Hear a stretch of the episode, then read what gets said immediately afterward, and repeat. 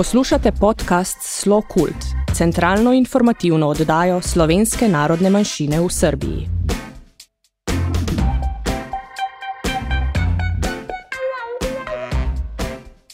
Dober dan. Poslušate prvo oddajo podcasta Slo Kult, ki je zamišljen kot centralna informativna oddaja, namenjena članom slovenske skupnosti v Srbiji, slovencem po svetu in v Matici, kot tudi vsem zainteresiranim za slovensko kulturo in sodobno ustvarjalnost slovenske manjšine v Srbiji.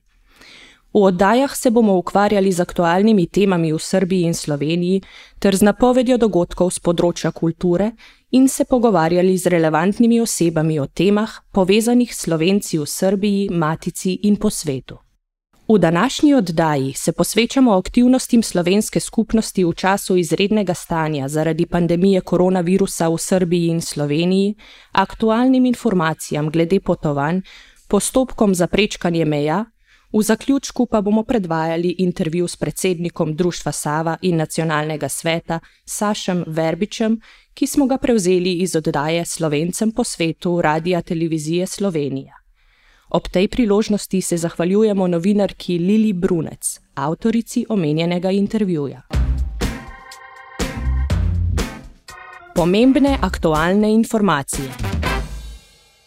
Novo imenovani veleposlanik Republike Slovenije v Beogradu, Damjan Bergant, je predal kopijo poverilnega pisma gospodu Robertu Popoviču, namestniku vodje diplomatskega protokola Republike Srbije. Upamo, da bomo v eni od naslednjih oddaj imeli priložnost gostiti veleposlanika in se tako bolje spoznali z njim. Nacionalni svet slovenske narodne manjšine je v sredo 3. junija 2020 obiskala gospa Irena Herak, svetovalka za kulturo in medije veleposlaništva Republike Slovenije v Republiki Srbiji. Z njo so se v imenu slovenske narodne manjšine srečali Saša Verbič, predsednik nacionalnega sveta in društva Sava, Dino Dolničar, predsednik odbora za informiranje nacionalnega sveta, Ivana Mandič, sekretar Društva slovencev Sava in Tanja Tomazin, generalni sekretar nacionalnega sveta. Sestanek je bil namenjen predstavljanju aktualnih smernic delovanja slovenske manjšine v letu 2020 in v prihodnosti. Svetovalka za kulturo je pokazala velik interes za aktivnosti sveta, društev in manjšine nasploh, posebej za programe in projekte na področju kulture in informiranja. Predstavniki manjšine so poleg rednega delovanja posebej izpostavili programe Slovenika, časopis za kulturo, znanost in izobraževanje, filmsko revijo Dnevi slovenskega filma, povezovalno medijsko platformo Slokult Info in uvajanje slovenščine v srbski šolski sistem. Srečanje je bilo izredno plodno in usmerjeno v dejansko realizacijo načrtov, tako še v letošnjem letu kot kasneje. Herakova je izrazila iskreno zanimanje za stanje, vizijo in napore slovenske manjšine ter podporo pri njihovi realizaciji, tako svoje lastne kot strani veleposlaništva Slovenije v Srbiji. Ob konstruktivnem zaključku srečanja so se prisotni dogovorili, da bodo takšna srečanja potekala redno, na mesečni bazi. Veleposlaništvo obratuje po ustaljenem urniku. Stranke sprejemajo vsak dan od 10. do 12. ure, vendar s predhodno najavo in določenim terminom. Ob ponedeljkih, torkih in četrtkih potekajo vročitve dovoljen za prebivanje ter zajemi prstnih odtisov ob sredah sprejem vlog za osebne dokumente in vročanje le teh, ob četrtkih pa ostala konzularna opravila, overitve, vizumi in podobno. Stranke z naročenim terminom na veleposlaništvu morajo priti ob točno določeni uri. Zbiranje in postajanje pred veleposlaništvom je prepovedano.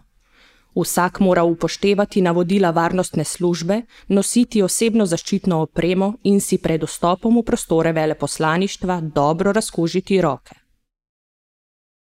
Po odloku številka 83, objavljenem v uradnem listu, lahko v Slovenijo vstopajo vsi državljani evropskih držav ter držav članic šengenskega območja, imetniki dovoljen za začasno ali stalno prebivanje ter ožji družinski člani vsi, ki vstopijo v Slovenijo in niso na seznamu varnih držav, ki ga je objavil Nacionalni institut za javno zdravje, morajo v obvezno samoizolacijo, karanteno.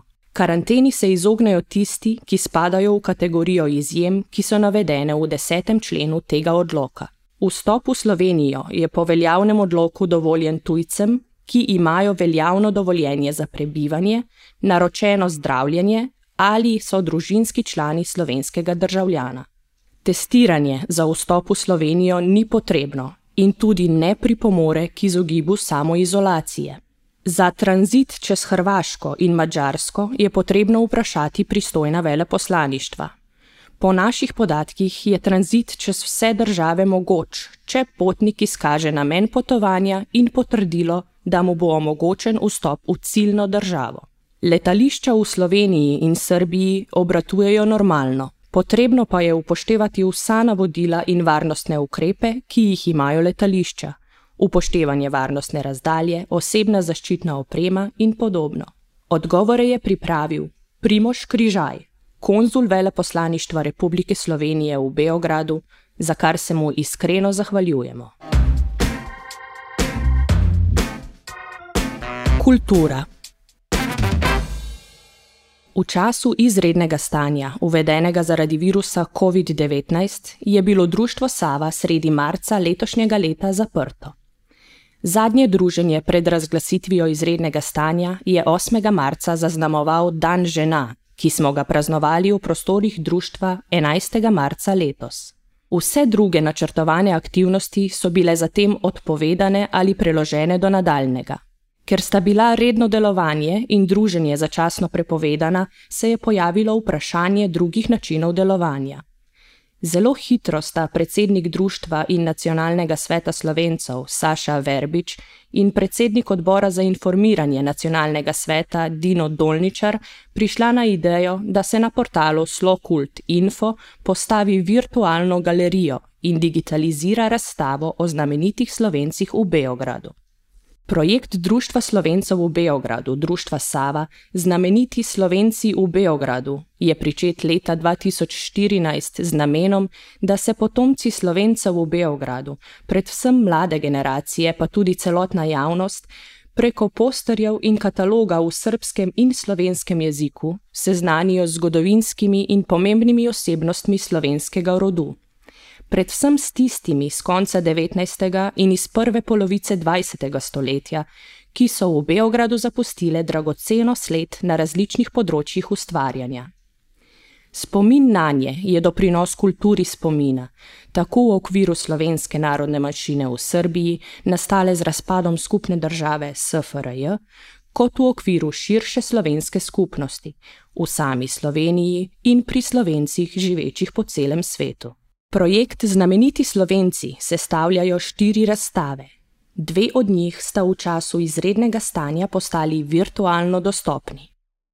Prvo razstavo je že prvi dan po postavitvi v virtualni galeriji obiskalo preko 300 ljudi z celega sveta, kar pomeni, da smo odprli povsem nov komunikacijski kanal za promocijo naše kulture in sodobne ustvarjalnosti slovenske narodne manjšine. V času izrednega stanja je tudi šola slovenskega jezika potekala preko spleta. Likovna delavnica, ki jo vodi Marija Vauda, delavnica Idrijske čipke, kot tudi naš kor Pojoča družba, so nadaljevali z delom, povezani preko društvenih omrežij.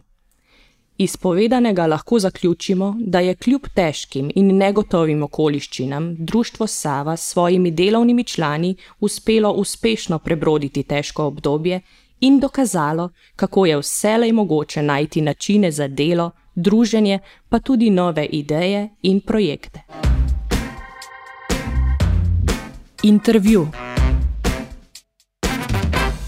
Sedaj pa prisluhnimo intervjuju s Sašem Verbičem, prevzetem iz oddaje Slovencem po svetu Radia Televizije Slovenija, ki ga vodi novinarka Lili Brunec spremenjenih razmer zaradi korona krize so se številne dejavnosti naših rojakov po svetu preselile na splet. Tudi dejavnosti slovenskega društva Sava iz Beograda so bile v minulih tednih vezane predvsem na internet, nekoliko so se upočasnile, zastale pa niso, pravi predsednik društva Sava Saša Verbeč. Na spletni portal slokult.info so pred nedavnim postavili tudi zanimivo razstavo o znamenitih slovencih v Beogradu. Odziv pa je bil zelo velik. Predsednik Društva Sava iz Beograda Saša Verbič je razstavo podrobneje predstavil v naslednjem pogovoru, najprej pa se je ozoril k prvim dnevom, ko se je tudi Srbija znašla v pandemiji. V začetku se veste, posod je bila malo panika, negotovost, enostavno si mogel skrbeti prvo zase in za svoje bližnje, no pa smo se pa začeli spraševati, kaj bi mi lahko naredili v tem času in seveda smo se obrnili na internet. Torej smo svojo dejavnost v glavnem ustvarjali prek eh, interneta. Mi imamo več teh spletnih strani in uh, eno to je Slowkult Info, v kateri smo odprli eno virtualno razstavo o znamenitih slovencih eh, v Beogradu. Na ta način smo naredili to, da bi bili bolj dostopni širšem krogu ljudi, ne samo tu pri nas v Srbiji, temveč tudi širše. Pa tudi delavnice, ki drugače, mislim, tu potekajo, kot je ta likovna delavnica, pa imamo izdelavo idrijske čipke. Vse se je to preselilo doma, ampak prek Viber skupine smo se nekako povezali in to je laufalo v tem času. Ja, mi smo tudi dali na internet pouk slovenščine, torej nismo prekinuli to. Zaenkrat pa ne moremo si privoščiti rizike še zmeraj, da bi organizirali druženje, mislim fizično, da bi bili tu v društvu, to smo se zmenili, da bi šele od septembra začeli. Na času pandemije se je večino dogajanja torej preselilo na splet, online tudi pri vas. Društvo Sava iz Beograda pa je pred nedavnim, ste omenili prav zaradi spremenjenih razmer, na splet postavila portal slokult.info. Kdo je dal pravzaprav pobudo za to spletno platformo? Mi, mi smo v glavnem tle urbana populacija in imamo precej močno to neko intelektualno elito.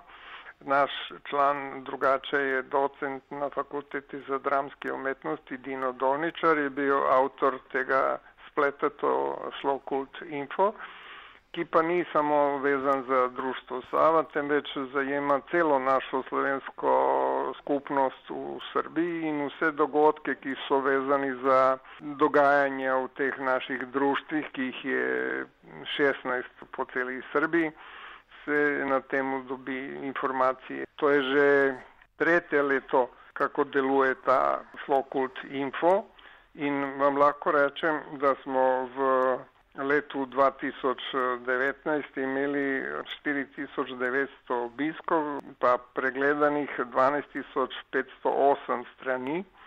Samo pa zdaj od 1. januarja do danes je pa naprimer bilo 5535 obiskovalcev in so pregledali 15752 strani. Imamo preglede tudi iz drugih kontinentov, to je to, kar omogoča internet, mislim, kar je zelo pomembno za nas. In mi mislimo, tudi ko se bo vse to končalo, da bomo ostali na tem spletu in da bomo vse to, kar smo imeli, držali kot stalno in samo dodajali še nove stvari. In uh, naša ambicija je pa, da ta Slokult Info strata pravi medij. In tu sem na sestanku delovne skupine ki bo začela zdaj z radio podcastom tudi prek tega Slokult Info, na katerem bi imeli informacije govorce, ki bi govorili in slovensko in srbsko v tem, kar se dogaja v našej skupnosti, pa tudi mislili bi, da bi se povezali z vami, naprimer, in da bi prenašali neke informacije iz Slovenije, kar bi zanimalo ljudi. Zdaj, na primer, je zelo aktualno, kakšni so pogoji, da pridete v Sloveniji, kako je na mejah in take stvari. No, brez dvoma bo zelo veliko zanimanje tudi za takšne vsebine. Sicer pa pomudiva se zdaj še pri razstavi, ki ste jo postavili na portal slokult.info znameniti Slovenci v Beogradu. Kakšna je pravzaprav vsebina te spletne razstave? Gre za projekt, ki je trajal štiri leta. Vsako leto 12 osebnosti je bilo prikazano. To je grafično umetniško upodabljanje ljudi, ki so pustili svoje sledove v zgodovini Beograda. Namen tega je, da bi se iz pozabe izvekli ljudi, ki so res nekaj prinesli tej družbi v Srbiji. To so ljudje, ki so tle živeli, delali in seveda s časom se to pozabi na njih. Mi pa probamo to izveči iz pozabe in reči, kaj so ti ljudje naredili tle. Slovenci so na tem področju prisotni več kot sto let.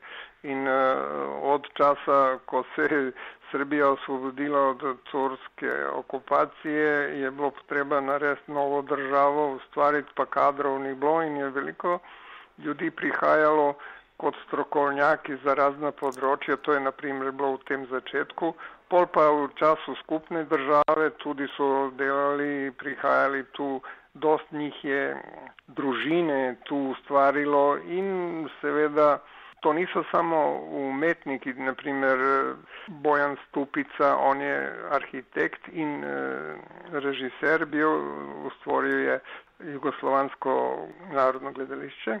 Pol pa imamo Davorina Jenka, ki je pa skladatelj srpske sedanje himne.